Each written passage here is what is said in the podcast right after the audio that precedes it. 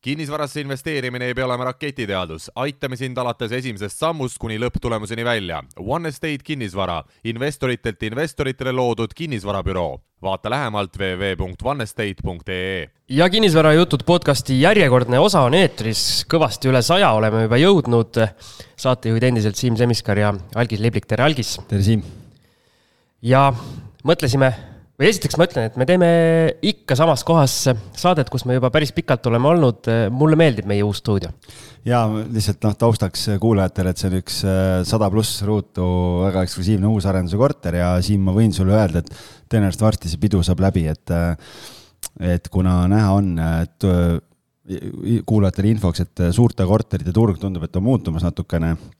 et sisustamata suured nelja-viietoalised korterid varem oli nii et, et kaheksakümmend protsenti läks sisustamata kujul, nüüd pigem tundub, et on nagu vastupidi, et on käinud siin, siin ka huvilisi, kes on öelnud, et kui oleks sisustatud, võtaks ära ja me nüüd tegelikult just värskelt oleme omanikule teinud sisustamispakkumise ja omanik ütles, et äh, davai, sisustame ära, et, äh, et näha on, et suurte korterite puhul ikkagi inimesed nüüd enam ei tule oma mööbliga, et tullakse kaks kätt taskus. no näed, esimese minutiga ju juba selline kuldne mõttetera ja teadmine siia meil saatesse. no vot, et siin äh, eks, eks sa oskad ka saatejuhina arened, vaata, et võib-olla oskad paremaid küsimusi küsida ja nagu juhtida, nii et, et au ja kiitus. nii et kellel on suured, suured sisustamata korterid, siis pange hetkeks pausi pausile, minge valige sisustus välja ja siis kuulake saadet edasi. ja meil on tegelikult külaline, kes saab aidata ka, kui ta ise seda teha ei oska. just, ja nüüd ma tahtsingi külaliseni jõuda ja, ja meil on siis külas kinnisvaraartist Ken Kuber, ehk siis mees, ilma kelleta algis üldse hakkama ei saaks. absoluutselt, mul on ülihea meel, Ken on siin, et mul on kohe kindlam tunne. tervist! tere, mehed!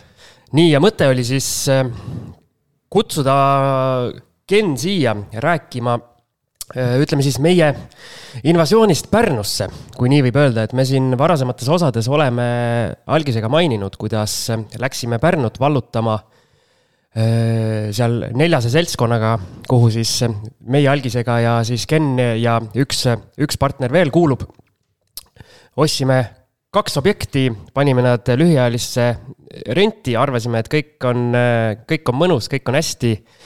aga oli palju probleeme ja nüüd natukene, kuna meil üks objekt on müüdud ja plaanime selle Pärnu asjaga natukene suunda muuta, siis äh, räägime, mis, mis meil täpselt juhtus. räägime, mis toimunud on ja mis plaanis on. just, aga hakkame siis otsast pihta, natukene kordame seda, mis me, mis me ühes saates või isegi mitmes saates juba oleme rääkinud, aga laseme Kenil rääkida, et Ken, miks me sinna Pärnusse läksime me läksime ju lühiajalist turgu püüdma.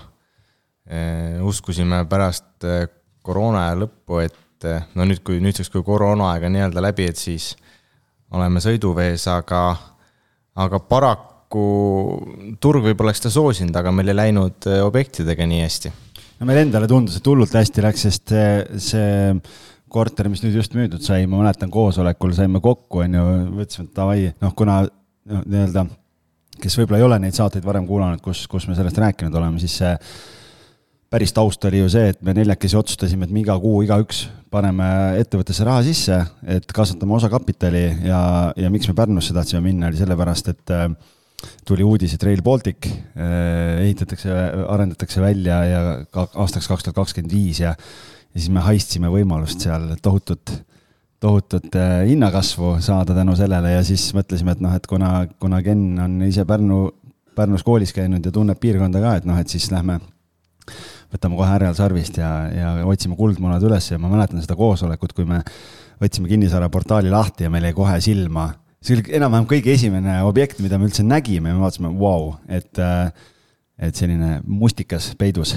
Jah, see oli see kuulus objekt, mis saates läbi on käinud, kus äh, oli lisaks korterile ka saunamaja ja see saunamaja tuli justkui kaasa ütleme siis äh, nii-öelda esialgu nagu Brežnevi pakikesena, et umbes, et muidu korterit ei saa, et sa pead saunamaja ka võtma, aga meie jaoks tundus see just võimalus, et äh, saunamaja korralikult välja ehitada ja oleks lühiajalisse renti suurepärane, suurepärane objekt.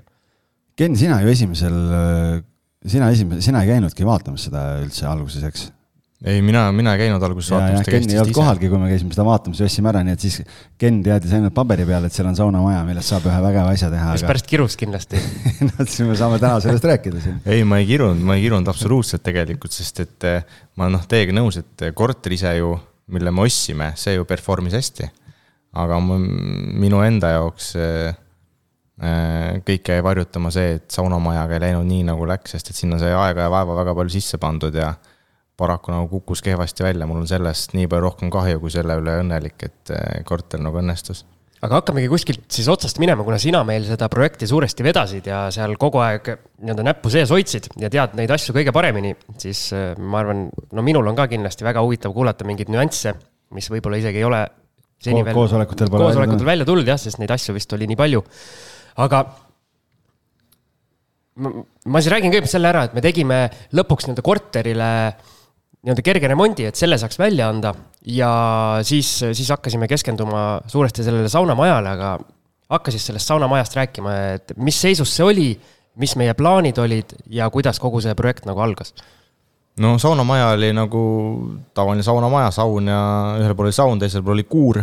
ja saunas vist seal käia ei saanud? Äh, saunas, saunas sai. oleks saanud või? jaa, oleks saanud ikka jah aga ta oli ikka, aga ta oli ikka nagu vana ja väsinud, ma arvan, paarkümmend aastat äh, äkki no väidetavalt seal tehti mingi mitte väga kaua aega tagasi, enne kui me ostsime selle remonti, aga. siis teda oli väga kõvasti kasutatud sellisel juhul, sest minu arust see oli üsna, üsna väsinud. seal vist käis kogu see tänav saunas aga ei, seal oli jah, saun, kuur ja me nägime potentsiaali, et noh, sellest majast saab ehitada täiesti normaalse kaheksakümne ruuduse elumaja ja kõigepealt tellisime siis sinna, siis kui hakkasime korterit renoveerima, samal ajal tellisime sisearhitektuurse lahenduse majale.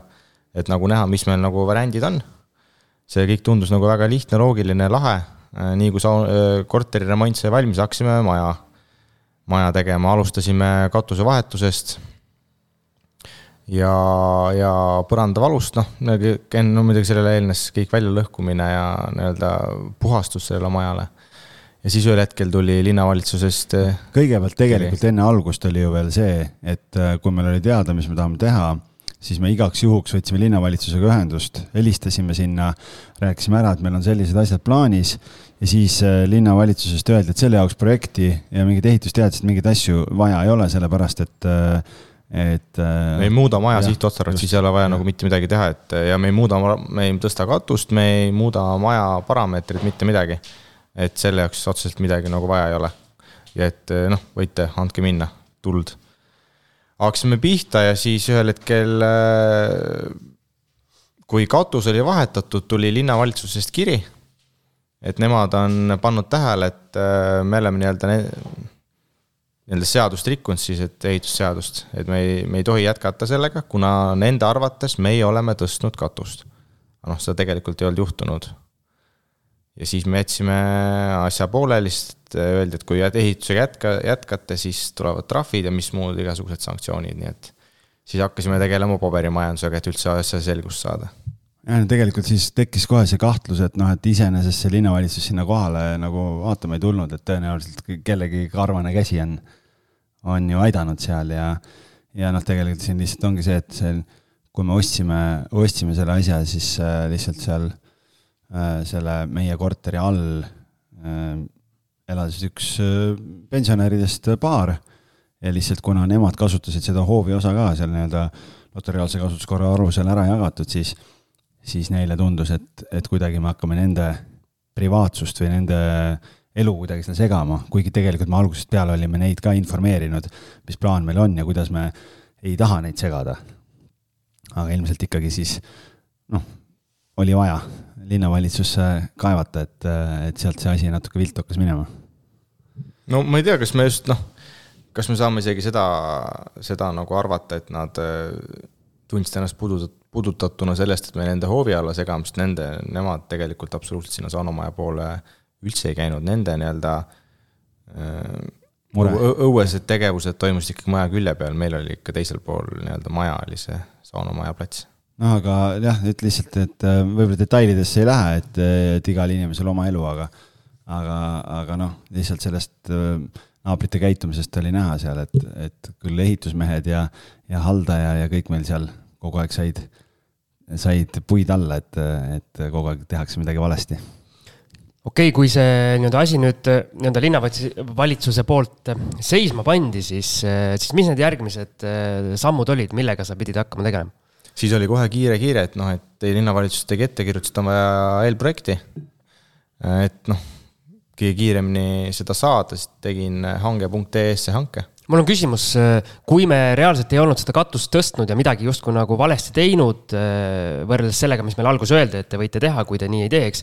et kas mingit vaiet ei saanud esitada või kuidagi või, või lihtsalt, kui nad seisma panid, siis panid seisma ja kõike? Äh, ja nad panid seisma ja nad ütlesid, et kuna ta on juba menetlust alustanud, siis seda tagasi võtta ei saa kuigi, kuigi me. me põhjendasime kui... emailide teel põhjalikult kõik asjad ära tegelikult ja, aga see ei olnud jah, nagu ei, ei sobinud, et. et ühesõnaga, kui nii-öelda menetlus on valedel alustel isegi alustatud, siis midagi teha ei ole või?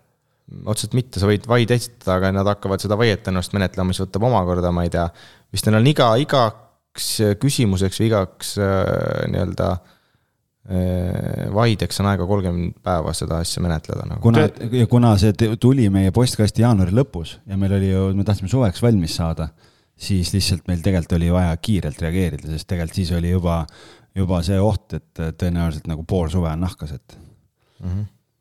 okei okay hakkasid sealt minema? hakkas, tegime hanke ära, hange, hankele tuli päevaga võitja, kes lubas äh, eelprojekti, äh, eelprojekti koostada siis kuu ajaga, äh, veebruari lõpuks, märtsi alguseks. no selle hanke tegime siis veebruari alguses. paraku nii ei läinud, märtsi alguses polnud kippu ja kõppu kätte projekteerijat saanud emailidele ei vastanud, lõpuks tuli vastus, et ta oli haige, et ta oli Covidis, noh, hea küll, arusaadav. et lubas, et äh, aprillikuu jooksul tuleb siis äh, projekt, et saadab ära. Äh, kippu ja kõppu, vahepeal infot ei vasta jälle mitte midagi. ja siis aprilli lõpus tuleb lõpuks kiri, et jah, et paraku mul oli siin märtsi ja aprillikuus paar suuremat projekti, millega tahtsin tegeleda, et, et loodetavasti leian aega maikuu äh, esimesel nädalal teie projekt siis koostada. aga lubada ei saa, minu meelest oli ka see. ja, et lubada ei saa konkreetselt, et, et konkreetset ajagraafikut ei taha ma paika panna. Sihukene, sihuke tekst tuli vastu. siis läks veits ju kahtlaseks ja siis me tegelikult hakkasime arutama, et peaks nagu uurima selle inimese tausta, et äh, nagu põhjalikumalt, et äkki, äkki nagu see on kuidagi noh, et mingi jama on nagu. ja noh, siis, siis selgus, et meil oli jäänud üks oluline osa tegemata, et kui hanke võitja, et teeks nagu taustakontrolli ka ära Google'is ja siis, kui Google'isse selle nime sisse panid, siis, siis oli ühe tärni rida, kus äh, oli päris palju sarnaseid kommentaare selle nagu meie murega. Et näha oli, et lihtsalt inimese mingi, mingi muster selline, et, äh, et ei ole väga adekvaatne nimesid nimetama ei hakka, et see ei ole eesmärk. ei ole, ma arvan, see eesmärk ja siis, äh, aga kus me saime siis ruttu lahenduse, nii kui me leidsime, et tegu, tegemist ei ole kahjuks usaldusväärse inimesega, siis Facebooki grupist äh, projekteerimine ja yeah. mingi, ma ei mäleta, mis see grupi nimi on, et äh, Ken räägib nii kaua, ma otsin selle grupi välja, võib-olla meil kuulajatel ka Just. kasu. ja sealt tuli kohe asjalik, asjalik kontakt, kes võttis äh, päevapealt nii-öelda juhtimise üle. kui ma mainisin talle nii-öelda eelneva projekteerija nime, siis ta ütles, et jah, et arhitektide koolis tuuakse nime näite, seda nime nagu näiteks, kuidas teha ei tohi et kohe oli nagu tuttav ja, ja tema võttis üle asja teisel mail. me raadsime kolm kuud. jah, ja kaheteistkümnendal mail oli saadetud eelprojekt täismahus siis äh, linnavalitsusse menetlemiseks, et nagu justkui kaotasime kolm kuud, aga siis just, siis saime nagu hea kontakti näol kingituse, kes aitas meid kiiresti hädast välja. kuidas selle esimese tegijaga, kas äh, mingid rahad jäid sinna kinni ka meil või mm,? ta ei võtnud ette maksu äh,. arvet hiljem ei, ei esitanud, kui ütlesin, et loobun temaga koostööst, soovis kõigest edu ja kõik ulme, et inimene isegi nagu nii palju jultumust on, et nagu vastab, vaata ja noh, kõik, et nagu küll lükkad edasi, lükkad edasi, lükkad edasi, aga noh, et nagu halloo, et sa nagu lihtsalt mängid teiste inimeste eluga võib-olla nagu noh, et nagu kolm, kolm kuud, noh, see on nagu ajuvaba lihtsalt. No, okay. sa oled muidugi väga kannatlik, me oleme üldse kõik väga kannatlikud, et ma üldse tagantjärele mõtlen, mis meil arvus oli, et nii kaua ootasime, aga noh, hea õppetund. ja kuidas sealt edasi läks? sealt edasi läks äh, ludinal, ütleks nii äh, linnavalitsus hakkas menetlema meil projekti, neil ei tekkinud mitte ühtegi ettekirjutust sellele. anti roheline tuli ja siis tuli viim-, nagu nii-öelda enne kinnitamist tuli viimne nõue, et meil on vaja alumise naabri nõusolekut. nõusolekut, allkirja selleks, et me seda üldse hakkame seal nagu edasi remontima, saunamaja. kuna tegemist on siis kaasomandiga? just. nii, ja siis me läksime allkirja hankima? Läksime allkirja hankima ja noh, selle, selle, selle koha pealt oskab võib-olla Algis paremini nagu kommenteerida, et mitte kommenteerida, vaid nagu oma emotsioone väljendada, kuidas see nagu läks no seal tegelikult äh, siis läkski edasi niimoodi, et, äh, et äh, kuna meil oli nõusolekut vaja, siis selle korteri omanik tegelikult ei ela Eestis üldse, et noh, kuna tema ema ja, ja elukaaslane elavad seal, siis, siis me saatsime talle kirja. Selgitasime ära, et näed, et meil on projekti asjad on olemas ja meil on nüüd vaja nendepoolset nõusolekut, et nad on nõus sellega, mida me seal teeme, et nad on teadlikud, mida me teeme, et nad on nõus sellega, siis esialgu, kui mälu ei peta, see esimene vastus viibis.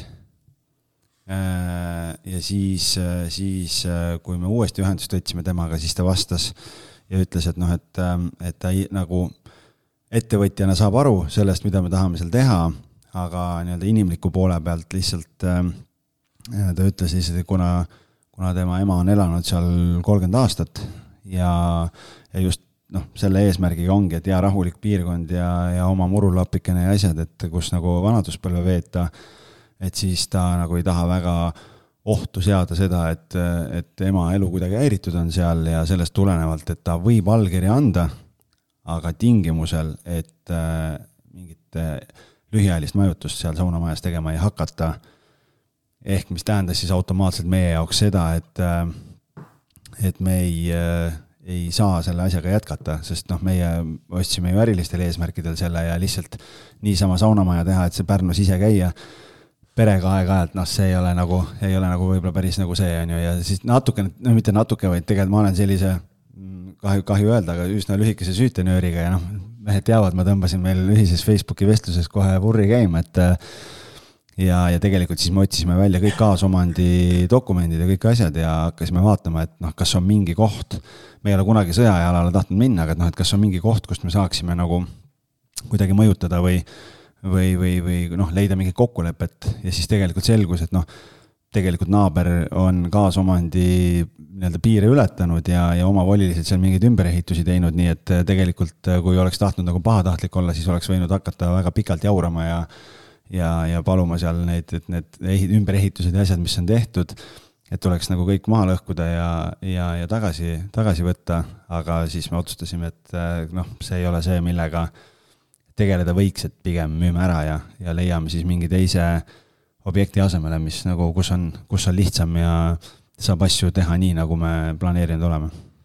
kui kuulaja nüüd arvab Algise jutust, et, et kord selle korteriomanikul, alumise korteriomanikul oli täielik õigus oma vanemate nii-öelda siis heaolu eest seista, siis tegelikult see ei olnud nagu minu arvates absoluutselt õigustatud äh, nagu ettekääne, sellepärast et see saunamaja, mis seal oli, see ei puutunud mitte kuidagi kokku selle kortermajaga, ta on täitsa eemal, kõrval olev hoone, mille, millest toimus tegelikult. taganurgas kuskil üldse.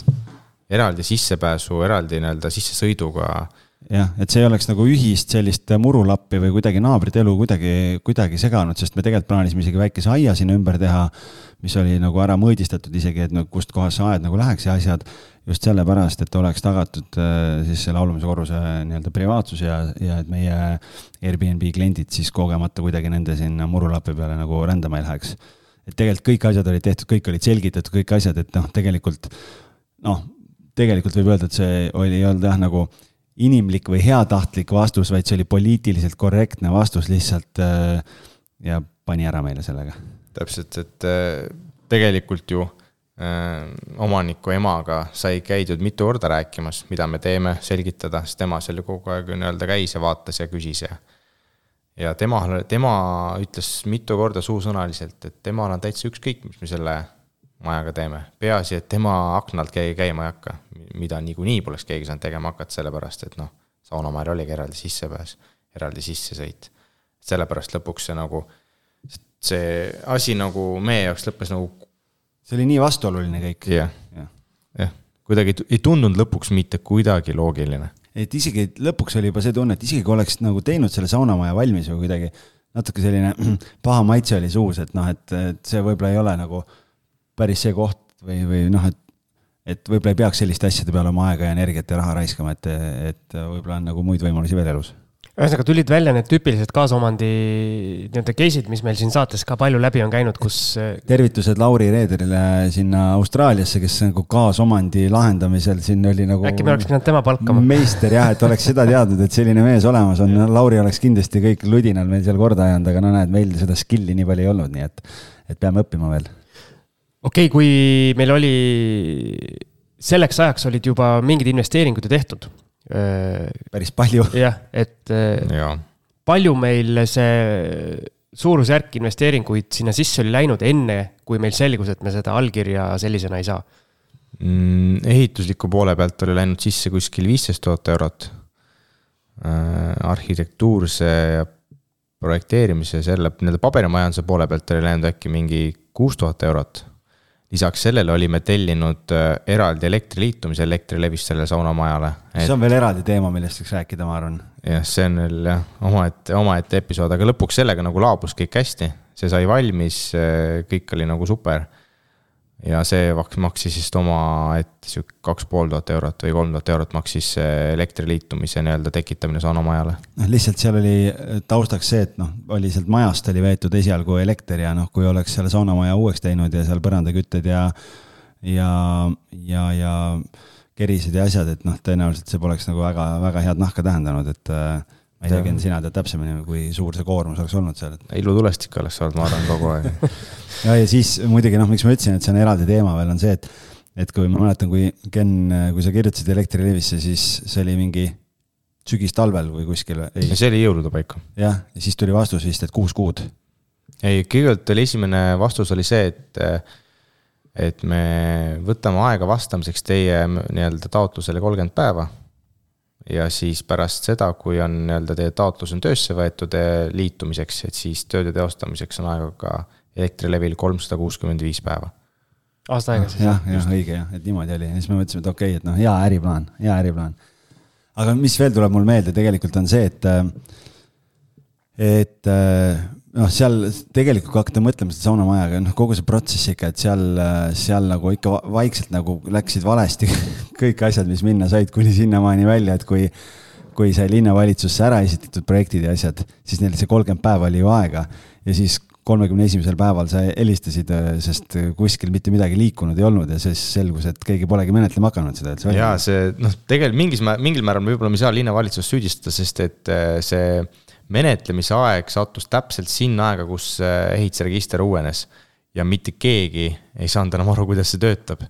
ja siis ma kõigepealt enne, kui ma helistasin, äh, tähendab, kui ma helistasin äh, meie projekti menetlejale linnavalitsusse, siis ma kuulsin vähemalt viis minutit nagu sõimu ehitusregistri vastu, nagu pagan, ma ei leia mitte midagi ja ma ei saa midagi aru, aga andke andeks nagu, et see ei ole minu süü et ma kohe vaatan, kus see asi on ja hakkan tegelema. siis tehti kiirelt? ja, ja siis tuli paari päevaga, et, et kõik on okei okay ja et aga meil on vaja jah, seda kriipsu sellele äh, kooskõlastusele naabriga. okei okay,, meil oli suurusjärk kakskümmend viis tuhat oli sinna sisse läinud ja meil jäi sinna alg-, naabri allkirja taha see kinni. mida, mida meie sellest, sellest asjast õppisime, mida võiks nagu kuulajatele edasi anda, et mida, mida sina, Ken, teistmoodi teeks järgmine kord, kui oleks samasugune situatsioon? no ei pea pikalt mõtlema, et kui kaasomandiga mingisugune teema meil tulevikus on, siis esimese asjana tuleb, meie võtame kooskõlastuse kaasomanikega. selgitame neile ära, mida me tegema hakkame ja võtame sellele selgitusele ka allkirja alla, et see oleks nagu kohe kooskõlastatud. sest nii või naa, varem või hiljem linnavalitsus tahab seda saada jah, et praegu tegelikult tundubki, et natukene võib-olla see järjekord on nagu valet pidi, et meil tegelikult tuli nagu info, et meil on vaja tellida projekt Äh, teha projekt, on ju, ja siis, kui projekt oli esitatud ja, ja linnavalitsus ütles, et jah, kõik on okei okay,, aga et ennem ei saa registris muudatusi ära teha, kui on naabrite nõusolek. et noh, tegelikult oleks võinud ju kõigepealt alustada sellest, et kui naabrite nõusolek on olemas, siis tellige projekt. et noh, selles mõttes ma olen Kenniga nõus, et, et see on nagu A ja O ikkagi. no et, täpselt, et vaadates seda mahtu ja seda kirja pikkust, mis me alguses linnavalitsuselt saime seoses igasuguste nõuetega tegelikult see oleks pidanud, see oleks võinud piirduda ühe lausega, et ma ei tea, et palun esitage naabrite nõusolek ja siis vaatame edasi, mis me teiega üldse teeme ja nii et see oleks kõik asjad ära lahendanud ja tegelikult etteruttavalt võib öelda, et kuna ka teine, teine Pärnu objekt, mis meil on, on kaasomandis, siis seal on natukene sarnane, sarnane lugu, aga. sinna veel jõuame vist. aga sinna veel jõuame äkki jah. no seal me juba olime targemad, aga aga osaliselt. pool, poolt ämbrit ikka kolistasime. okei okay,, äh, ja siis mingil hetkel me, ma mäletan, me tulime kokku ja otsustasime selle, selle asja maha müüa. meie kolmekesi rääkisime tund aega, Siim oli tasa terve aeg ja siis, kui koosolek. ma kuulasin läbi, seda tund aega, koosolek hakkas läbi saama ja kuidas kõik kirusid kõike ja kõike ja kogu seda protsessi siis Siim ütles, et kuulge mehed, aga mis te arvate, kui müüks selle asja ära? ja siis oli vaikus ja ütlesime, okei okay et jah, Siim, Siim ütles seal. ma ainult. Siim räägib, saateväliselt räägib, räägib vähe, aga, aga kui ütleb, siis ütleb asja eest. no õige ka, noh, näed, esimene, esi, ma ei tea, mitmes, saja mitmes kom, osa. see komm oli nii hea. esimene kiitus, kiitus muud, praegu tuli. muutis jah. ma arvan, lõpetame lõpetame siia ära.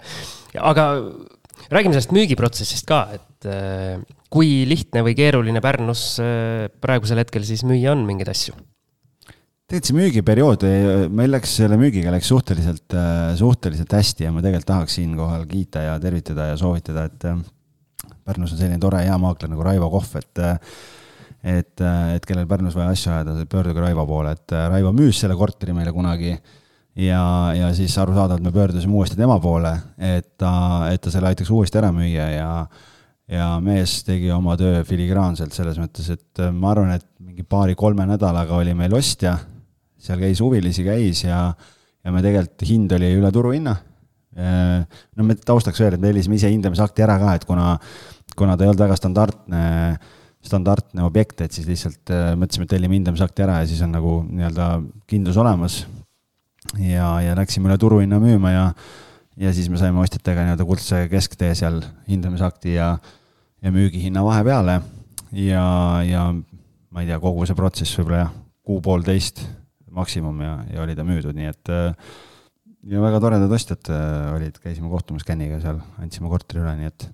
kas te teate, kas ostjatel on plaan siis äh, sinna üks vägev saun ehitada?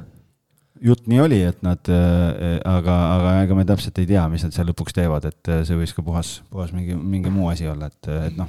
ma, ma suhtlesin veel pärast ostjatega seoses mingi muu, mingite muude küsimustega, aga ei, neil on ikkagi soov ehitada see saunamaja lõpuni elumajaks ja üürida pikaajaliselt välja siis see korter, mis, mida, mida, mille me otseselt siis müüsime. kui sa nii võtad, siis tegelikult nagu unelmate diil äh, ostjale, kes äh, ise seal saab elada, et sa põhimõtteliselt said nagu kodu ja investeerimisobjekti endale äh, two in one. noh, nii ja. nagu meil oli tegelikult ju plaan, et saame kaks objekti ühe, ühe hinnaga sisuliselt. ja paberi peal võib tunduda ka see ka, et justkui me müüsime üle turuhinna oma nii-öelda objekti. aga meil oli pooleli lihtsalt. täpselt, see asi oli ju pooleli, tegelikult ju varjatud või nii-öelda paberi peal mitte välja toodud investeeringud olid saunamajja juba tehtud, mis tegelikult ostja jaoks on nii viieteist tuhande euro väärtuses täna, tänases turuolukorras veel rohkem.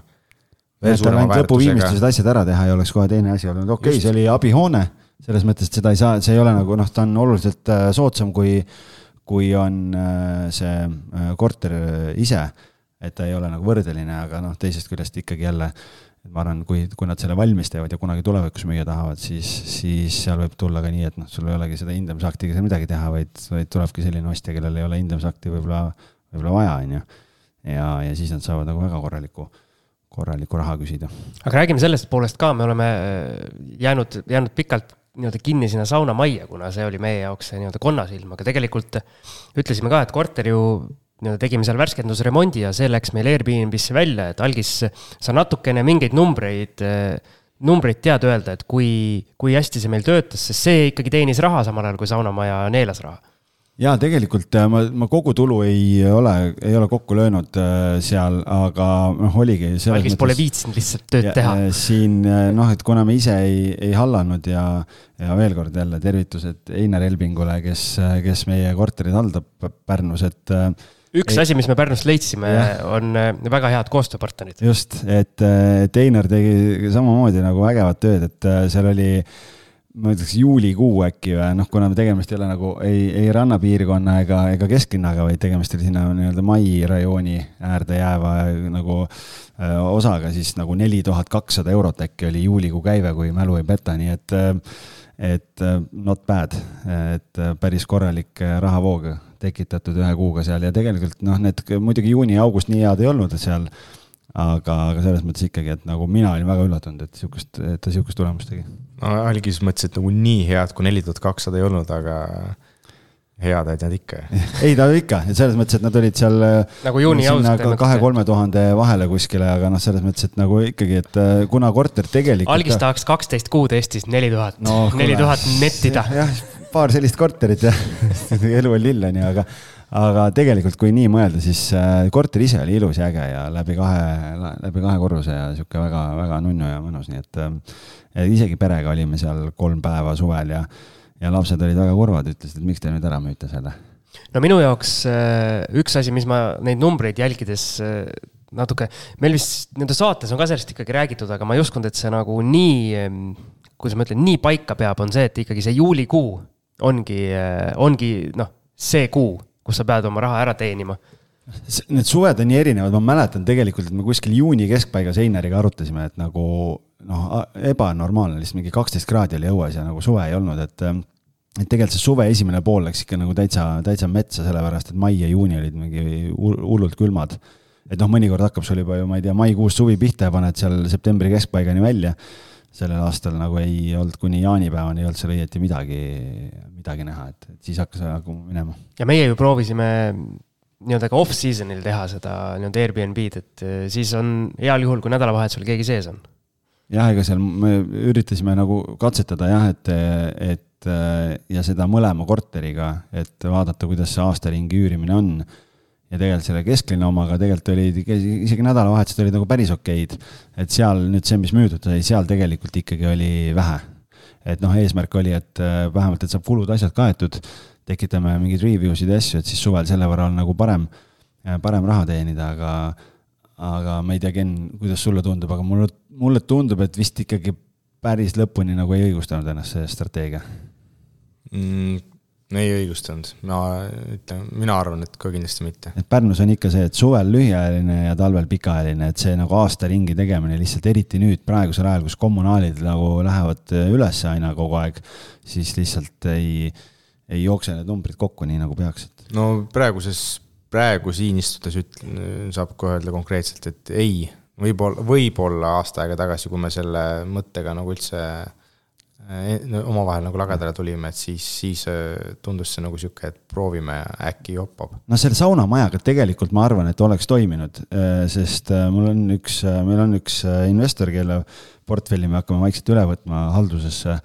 ja tal on üks asi on Pärnus ka ja tal on ka mingi selline hoovimaja või saunamaja, mis on nagu täiesti eristuv, nagu hästi ilus, ilus asi. ja tal on aastaringi ja tal tegelikult teeb nagu väga häid numbreid, aga tal on rannarajoonis Äh, kuigi noh, ega sa rannas ei käi suvel seal äh, või tähendab talvel, aga, aga noh, meil ka, ma ise arvan, et äh, kui see projekt ja kõik see, et kui see oleks nagu valmis saanud, siis see objekt oleks teinud, aga, aga sellise klassikalise korteriga kuskil ääre, äärelinnas nagu ei, ei tule, jah. sauna, sauna meelest sa oled raudselt nišitoode. omaette mm, tupiktänava lõpus. no kui üürid ikkagi maja, noh, ta on nagu see väike maja, et, et see on teine asi aga mehed Tallinnast läksid äh, vastu karva tegema, kui kõik pärnakad seal äh, toimetamas on ja mõtlesid, et teevad mingit revolutsiooni. me oleme targemad ja tulevad saba jalge vahel tagasi no,. aga me, me ei saa täitsa nagu niivõrd väga endale tuhka ka pähe raputada, sest et ikkagi äh, Rüütli tänava korteriga me ju tõestasime vastupidist, et lihtsam ja nii-öelda tulusam on äh, hoida nädalavahetustel keegi sees, kui see pikaajalist välja üürida. jah, selles mõttes, et ikkagi piirkond loeb. Ja ma ütlen nii, et noh, selle, selle müüdud asja puhul ikka idee oli viis pluss, noh, teostus oli neli miinus, et ega selles mõttes, et ega see, see neli miinus ei olnud nagu meie, meist tingitud asi, et seal olid nagu muud asjad. koolikius. Okei teeme siia väikese kõllipausi ja siis lähme järgmiste teemadega edasi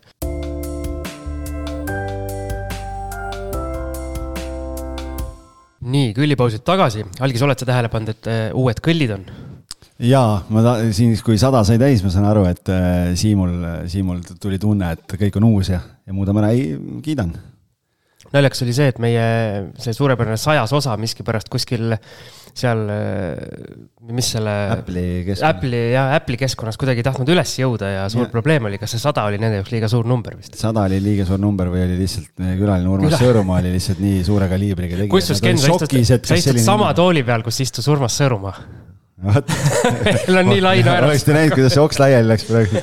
kui saaks naeratust nüüd kuidagi sõnadesse. jah, meil kahjuks videopilti ei ole. jah oota, mida me tahtsime nüüd rääkida, kui me pausi räägime oma teisest korterist. sa pidid oma selle Facebooki grupi leidsid. jaa, üks võlg jäi esimesest saate osast. mees surfas pool tundi Facebookis ja. ja lõpuks leidis. et ähm, selle Facebooki grupi nimi, kust me selle toreda hea asjaliku projekteerija leidsime, on arhitektid, projekteerijad, detailplaneeringud, nii et äh, kellel sellised samasugused äh, Äh, mured, asjad, siis äh, soovitame sinna pöörduda ja. ja kes tahab selle suurepärase äh, arhitekti nime või selle, kes nii suurepärane ei olnud, igaks juhuks nime teada saada, siis võib Kenile kirjutada.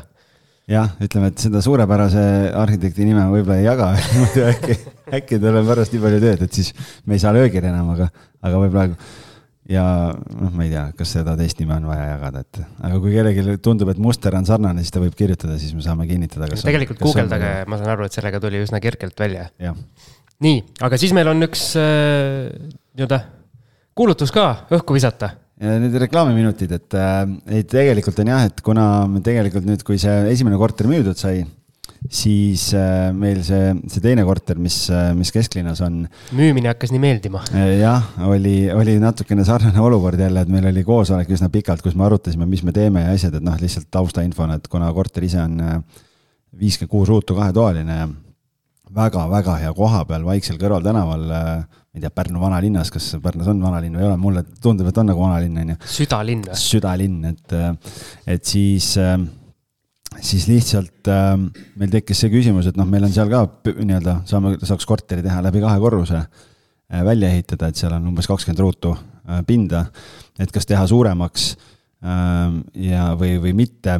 ja siis me seal arutasime jälle tund aega ja siis Siim ütles lõpus kuldsed sõnad jälle, et mehed, aga äkki müüks ära ja siis, siis ma mõtlesin, kurat, et et, et kuna, kuna esimesega läks hästi ja kuna ikkagi natukene on see, et noh et me ise küll ei pea igapäevaselt selle Airbnb haldusega tegelema, aga, aga mõte oli nagu selles, et võib-olla võiks natukene sellise rahulikuma strateegia võtta ja minna nagu pikaajalise üüri peale üle, et.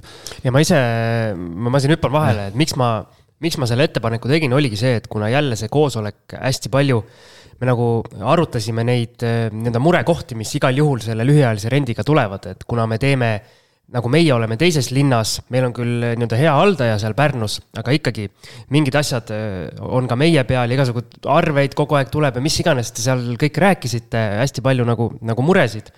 siis, eh, siis ma tegin selle ettepaneku, et võib-olla muudaks siis strateegiat, et jääks Pärnusse, aga, aga läheks pikaajalist tegema. jah, pigem ei olnudki see, see, et sul mingid arved, asjad tulevad iseenesest ju ei ole mure, aga lihtsalt kuna kõigil on nagu oma muude tegemiste ja asjadega on ikkagi nii palju nii palju tööd igapäevaselt ja kõigil aega on vähe, et siis lihtsalt, et kui oleks nagu pikaajaline üür ja ja kohapeal keegi hoiaks samamoodi silma peal nendel asjadel, et siis selle võrra oleks nagu vähem peavalu ja asjaajamist kõigil lihtsalt, et, et oleks see investeerimisstrateegia teistsugune. Ja nüüd siis me jõudsimegi sinna, et et me praegu oleme äh, võtmas hoogu, et äh, see teine korter ka müüki panna ja siin ongi siis üleskutse kõigile, et kes soovivad Pärnusse osta nagu nii magusa koha peale kesklinna, kui veel olla saab. kõik paremad restoranid, asjad on, ma ei tea, seal kolmeminutilise jalutuskäigu kaugusel, siis. saan kinnitada, olen isegi seal ööbinud. ja et siis, siis võib ühendust võtta, et me müüme seda seitsmeprotsendise äh, rahavoo tootluse pealt. et, et siis, siis andke märku ja, ja kuna meil tõenäoliselt oktoobris äh, oktoobri, oktoobris mingi hetk see läheb äh, avalikku müüki, et võib-olla kui kellelgi on huvi ja plaan just praegu Pärnusse midagi ostma hakata, võite kirjutada ja ja ma saan teile saata siis äh, info, et võib-olla saate enne jaole, kui see üldse nagu avalikku müüki lähebki. ja algisel on kõik numbrid, äh, saab vist jagada ja? ja ma saan jagada, mis käivet me seal oleme teinud ja, ja kõik need asjad ja tegelikult meil on projekt olemas selle ülemise korruse väljaehitamiseks, Ken saab selle kohta jälle rääkida, et mis, mis need seisud meil seal täpselt on. projekt on ju justkui linnavalitsuses kinnitatud ja lihtsalt ehita teine korrus peale, kakskümmend ruutu endale, kaks magamistuba, elutoast läheb trepp üles ja saaks nagu väga ja, ja no me ise, me ise tegelikult usume, et kuna selle korteriga, noh, see oligi, me ise uskusime, et seal on potentsiaali teha aasta ringi ja tegelikult seal oligi ikkagi madalhooajal ikkagi nädalavahetused olid äh, ka valdavalt täis, siis tegelikult nüüd aastaga see korter on ennast nagu väga korralikult sisse töötanud ja ja, ja kui sinna nüüd kaks magamistuba veel juurde teha, siis see on nagu mega suure potentsiaaliga korter tegelikult, sellepärast et. kas et... kaks magamistuba või kaks magamiskohta? sinna ikkagi saab teha ju kakskümmend ruutu, et sinna me arvestasime neli magamiskohta minu meelest sinna. ja kaks magamistuba, kaks nii-öelda saja kuuekümne sentimeetrist. et seal on juba kuus magamiskohta olemas kahetoalises korteris, et väga, väga suur magamistuba on, kus on siis nagu neli magamiskohta, elutoas kaks ja ülesse tuleks veel, et see oleks nagu kümnele inimesele korter, mida Pärnu kesklinnas täna väga ei leia. kuule, aga Algis, me saaks nii-öelda kahe perega sinna minna, kõik jõnglased kaasa võtta ja kõik mahuksid ära või? no põhimõtteliselt, eh, et eh, see on sihuke korralik festival. õudne eh, ei taha mõeldagi kohe. Aga, aga jah, nii et, et selline ja seal on, seal on veel selline mõnus väike sisehoov, kus on terrassid, asjad, mingid saab lauad, diivanid, toolid, asjad panna, nii et seda, seda väärtust on seal nagu kõvasti, et tegelikult natuke kahju ja noh, me siin siiamaani veel enne seda, kui ma praegu välja hõikasin, korra arutasime, et kas, kas me ikka läheme seda teed, et aga, aga jah, nagu enne sai öeldud, siis tõenäoliselt muudame selle strateegia ära ja, ja müüme selle ka ära ja ostame siis midagi pikaajalisse asemele. väike lisaväärtus veel äh, sellele korterile tuleb sellest, et praegu käib seal nii-öelda värskendusremont, kuna meil juhtus pööningul õnnetus, meil läks vana boiler katki. tekkis veeleke nüüd on uus boiler, uus, mis seal kõik oli välja vahetada ja nüüd siis eh, teeme, tehakse kindlustus case'i korras siis ka korter, korter eh, värskeks uuesti. nii et saab niisuguse peaaegu, peaaegu tutika asja. ja nii et, et siis eh, rohkem praegu sellel ei peatu, et kellel huvi, võtke ühendust ja räägime lähemalt. aga Ken, ma küsin sinu käest äh, sa oled nüüd üsna pikalt äh, nende meie kahe objektiga seal üsna lähedalt tuttavaks saanud, et äh, mis need, äh, need sinu jaoks õppetunnid on just sellises osas, et kui, kui minna nii-öelda distantsilt tegema, me ikkagi nii-öelda baseerume enamasti Tallinnas, sina oled päris palju seda Pärnu vahet saanud sõita, et mis need, mis need asjad on, mis sa enda jaoks õppisid, et kuidas seda asja kõige parem oleks teha ja mis vigu vältida mm.? ma poleks no tähendab, mind aitas äh, selle juures see, et mul olid äh, väga palju kontakte Pärnus, ma olen Pärnus koolis käinud.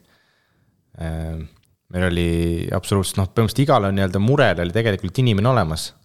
aga mis nagu lõpuks ikkagi, olgugi, et sul on inimene olemas, sul on usaldusväärne kontakt, aga noh, paratamatult sa manageerima pead ikka neid ise Tallinnast. aga vot see on niisugune stressirohke asi, kui sul on nagu päevatöö, sul on muud tegemised Tallinnas, sul on nii või naa iga päev no nii kiire, et äh, mine hulluks, siis äh, noh, hakkab ajudele lõpuks, et äh, pagan nagu, et ma, ma, ma, see sada kolmkümmend kilomeetrit tundub nagu tuhat kolmsada kilomeetrit, et see sõna jõuab nagu nii palju hiljem, kui ta oleks pidanud jõudma. ehk siis kui meil nüüd see strateegia muutub pikaajalisel, et kas, kas midagi muutub ka, et kas me saame siis nagu lihtsamalt? ma arvan kindlasti jah, sest neid nii-öelda olmemuresid, mida lahendada, neid kindlasti jääb vähemaks. nii-öelda juhtumisi ja case'e, et eh, siis on, siis on sul nii-öelda abiline on üürnik ise, kes korteris elab ja kellega koostöös sa saad nagu nii-öelda neid tekkivaid olmemuresid lahendada rahulikult ja jooksvalt ja nii, et kõik on rahul, mitte nii, et eh, kui tulekahju hakkab, siis eh, kohe on vaja nii-öelda joosta. Ja üks point, mis meil seal omavahelises koosolekus läbi käis, mis minu, minu meelest on päris hea, on see, et et kui me tegime lühiajalist Pärnus, siis äh, me olekski saanud järgmisi objekte võtta ainult Pärnusse, aga nüüd me tegelikult saame võtta ka näiteks Haapsalu, mida me oleme ka nii-öelda mõelnud ja jälginud, kuna kui sul on äh, üks osa portfellist Pärnus ja teine osa näiteks Haapsalus, siis sa pead ju Haapsalus lühiajalise rendi puhul seal ka kõik nii-öelda need nii-öelda abijõud nagu eraldi, eraldi siis palkama. jah, ja see on väga ühes inimeses kinni, et kui sul see haldaja või kes iganes ta on, ühel hetkel ütleb, et ma enam ei taha, ei viitsi ja nii edasi, noh, mis sa teed siis, hakkad uut otsima, sa ei tea seda kvaliteeti, kõiki neid asju, aga aga, aga jah, et pikaajalise üüriga on võib-olla, võib-olla natuke lihtsam, sellepärast mulle alati pakub huvi, kui meil külalised saates käivad, mitte sellepärast, et tahaks hullult omale siin noh, muidugi see on ka teretulnud, et portfelli kasvatada, aga alati mul tekib see küsimus, et nagu, et noh, et kuidas sa haldad oma korterit, eriti meil on päris palju neid külalisi olnud, kellel siin ma ei tea, Villi käis meil siin ja kellel siin on, ma ei tea, Avasta Eestimaad, Tapad ja Tammsalud ja mingid kohad on ju, et noh, et siis tekibki küsimus, et noh, et kuidas, kuidas seda kõike nagu manageeritakse, et aga, aga, aga noh kõik on elus ja, ja kõigil õnnestub, tundub, et pikaajalise üüriga jah, on see, on see nagu teostatav, et lühiajalisega on ta vähe keerulisem või palju keerulisem siis.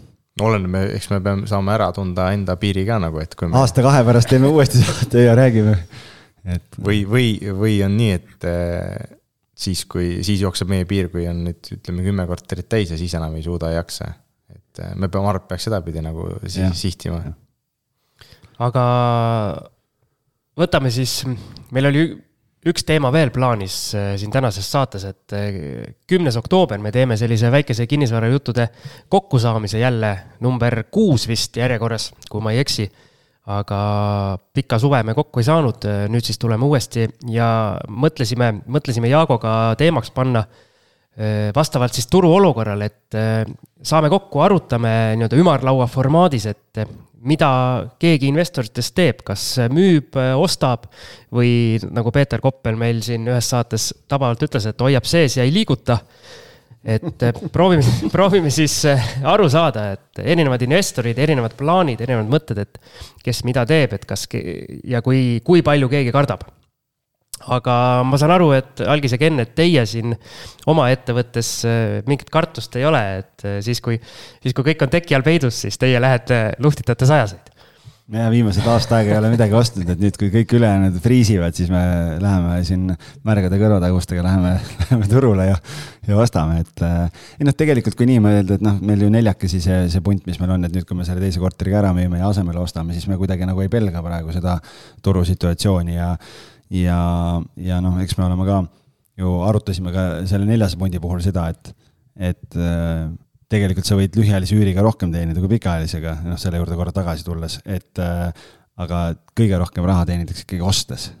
ehk et nagu mõte on ju selles, et olla, olla õigel ajal valmis, et kui, kui sul on finantse ja asju, et siis, siis leida see sobiv asi ja, ja teenida nagu sellega. võib-olla see, see kõige suurem kõige suurem raha, et noh, tegelikult ma lasen Kenil ka kohe rääkida, aga lihtsalt kust mul see mõte tekkis, et praegu osta võiks, need, need, meil on tegelikult plaanis praegu, täna me salvestame seda äh,, meil on kolmapäev täna ja meil on, homme on tulemas üks notar ja meil on reedel tulemas üks notar, et ja need natukene on omavahel seotud asjad ähm, kaudses mõttes. et me tegelikult esimene asi, mis meil idanema hakkas, oli see, et me leidsime ühe väga hea pakkumise ühes äh, uusarenduses Äh, arendajal oli, oli soodusmüük või noh, nii-öelda erihinnad. ja kui me vaatasime seda ruuduhinda ja, ja seda korterit ja seda asukohta ja kõike, siis, siis tundus nagu kuidagi patt nagu ostmata jätta, et võrreldes nagu teiste hindadega oli nagu väga hea pakkumine ja, ja, ja reedel on meil siis äh, võlaõigusliku tehing ja see korter saab valmis järgmise aasta lõpus. et äh, juba ehitustöö käib ja kõik kõik toimib seal väga, väga korralik arendaja, nimesid ja asukohti ja asju ei hakka praegu nimetama, et siis, kui kunagi ära on ostetud, siis võib-olla, võib-olla räägime lähemalt, aga see on nagu pika vaatega asi, et osta ja sisustada ära ja, ja hoida ja siis ja kunagi hiljem, võib-olla aastate pärast nagu müüa. ja sellega seoses lihtsalt, et äh, kuna see nõuab ikkagi arvestada finantseeringut, kui, kui seda nüüd on vaja rahastama hakata järgmisel aastal, siis meil tekkis sealt edasi nagu see mõte, et äh, et äkki siis peaks mingite flipidega nagu kapitali kasvatama, et meil küll ettevõttes nagu seda tõenäoliselt saaks ka võib-olla niisama, aga lihtsalt, et oleks nii-öelda soft landing, et siis lihtsalt äh, mõtlesime, et aasta jooksul peaks nagu mõned flipid tegema ja siis ma pöörasin pilgud Kenni poole ja küsisin, et, et kas oled sa minuga nõus. ja, ja Ken ütles, et davai, teeme ära ja, ja siis hakkasime otsima. aga äh, ma lasen kohe Kenil rääkida, aga kuidas te siis sellele turule vaatate, et flip imine, noh minu kui sellise diletandi arvamus on see, et kui nii-öelda turg kaasa aitab, siis on jube hea teha, on ju. aga praegu keegi täpselt ei tea, mida see turg teeb ja pigem, kas ta seisab või, või on langenud, et kuidas selles staadiumis see flip imine on, et kas ongi see, et sa pead lihtsalt nii hea, nii hea objekti leidma, ostes? ma arvan, et ongi, väga õigesti öeldud.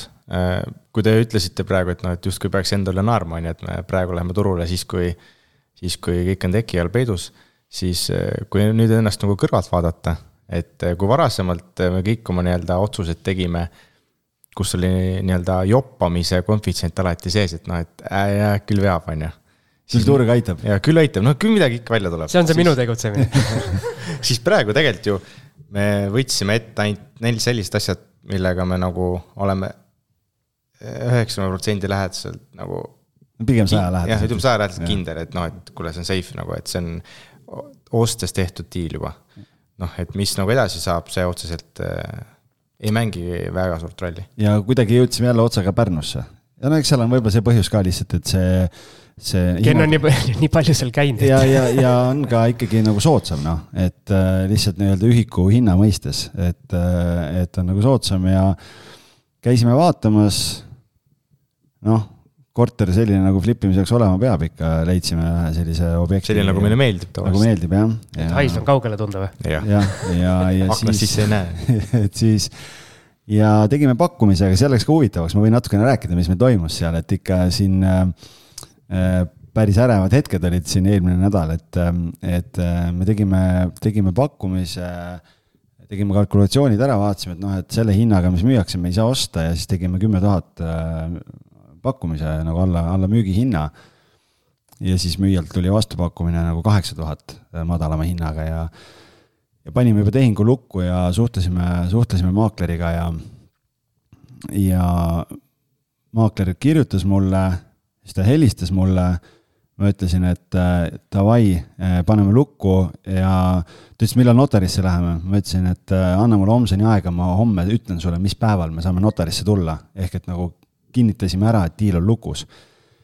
ja siis mul oli üks koosolek järgmine päev ja siis ma näen postkastis meili, kus maakler ütleb, et kuna teilt ei ole vastust tulnud, siis äh, üks ostja, kes enne teid käis, kellel alguses finantsid välja ei vedanud, äh, andis teada, et tal on, äh, et ta nüüd ikkagi saab ja omanik on otsustanud temaga edasi minna. noh, mul vererõhk tõusis kolmesaja peale kohe, onju.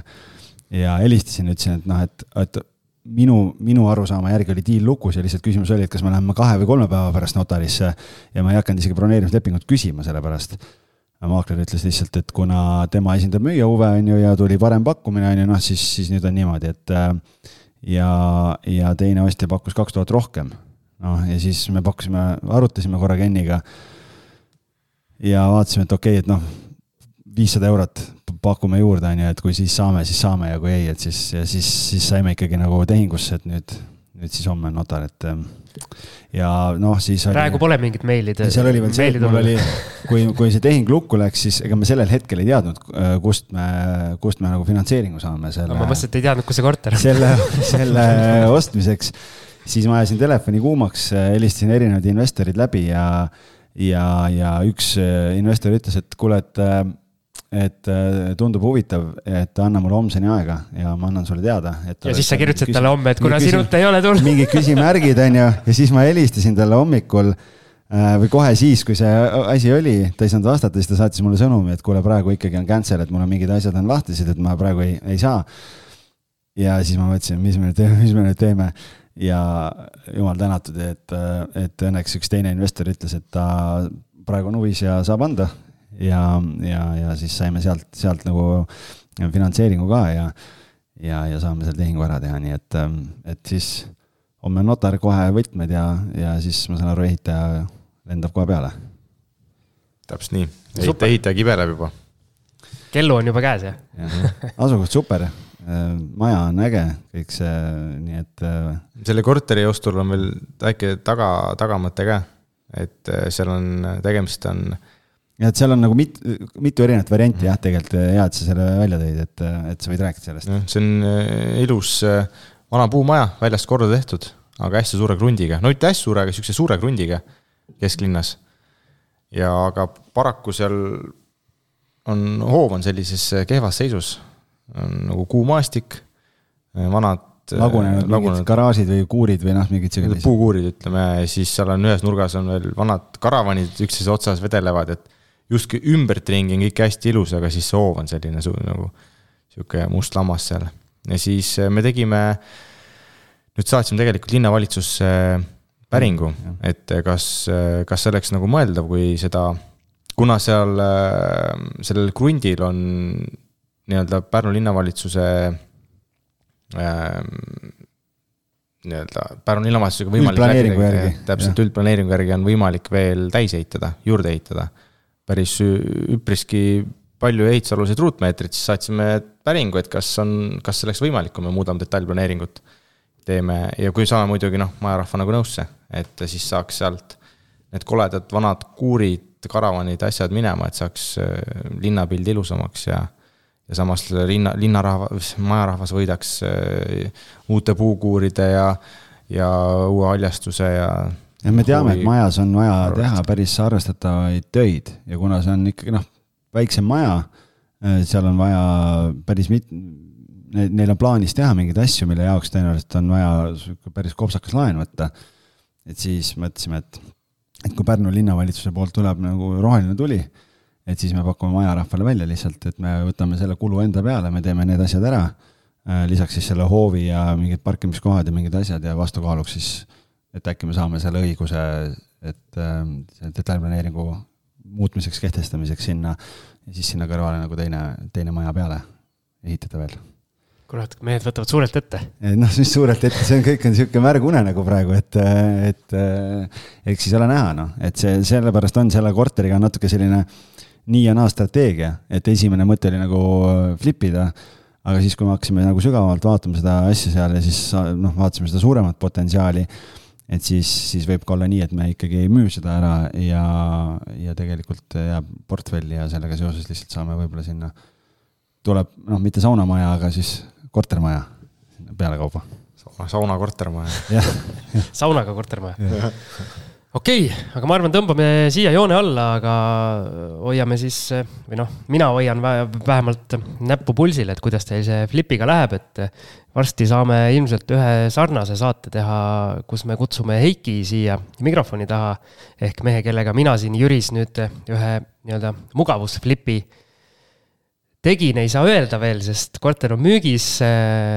turg on täiesti hangunud ja võib-olla ütleme nii, et me liigume selle plaan B suunas ja eks me siis räägime, kui kõik on lõppenud, et seetõttu ma selliselt küsisingi, et mehed, mehed, kas te olete läbi mõelnud, mis te teete? ja ma selle koha pealt ütlen, et see turg on hangunud, ei tähenda üleüldist turgu, vaid, vaid me räägime Jürist praegu on ju, et tegelikult ma jooksen ikkagi kannad villis, et vahepeal siin nädal-kaks oli sellist rahulikumat perioodi ja mulle tundus, et, et kas nüüd on see murdepunkt. Aga ma ei tea, ma ütlen, et mul on kalender on ikka nagu nii, nii punases, kui veel olla saab, et nüüd see nädal on järsku kõik ärganud, et üürnikud on ärganud, ostjad on ärganud. hirmus action käib jälle, et ma ei saa aru, mingi, ma ei tea, mis see nädal või kaks. ei, see oli väga lihtne. kool, lapsed läksid kooli ja kõige muuga oli vaja tegeleda ju nojah, võib-olla tõesti ja oli veel ilusad ilmad ka, tuli uuesti, suvi tuli korraks tagasi, ma ei tea, aga ühesõnaga jah, et eelmine nädal oli juba vaikselt, hakkas küll migi otsa ette tulema, aga see nädal vaatad, et noh, rock n roll. no ma ootasin, et sa ütleks selle põhi, põhjuse ise, aga ma ütlen selle ise siis, et tegelikult oli Eurobasket kaks tuhat kakskümmend kaks. muidugi, kõik vaatasid kossu. jah, nii ka meie kolmekesi siin kõik, nii et keegi kuskil objektidel polnud aega käia, sest päeva läbi olid mängud kogu aeg. jah, ma käisin kohapeal. no vot. kolmkümmend kraadi oli sooja. vägev no, ei no tegelikult, kui ma ütlesin, et turg on hangunud, siis, siis ma mõtlesin seda, et meiesugused aferistid, kes lähevad nii-öelda sinilindu püüdma, et nende jaoks on turg hangunud ei ole. ei ole, okei okay,. me tõestame, me, me paneme jälle vastuvoolu, nii et lükkame selle ümber. vähemalt on millest rääkida. kas meil sai kõik räägitud? Ken tahab veel mingid lõpusõnad öelda? ei, mul see limiit sai täis selge, tõmbame joone alla ja kohtume, kohtume järgmises osas. tšau. tšau. tšau.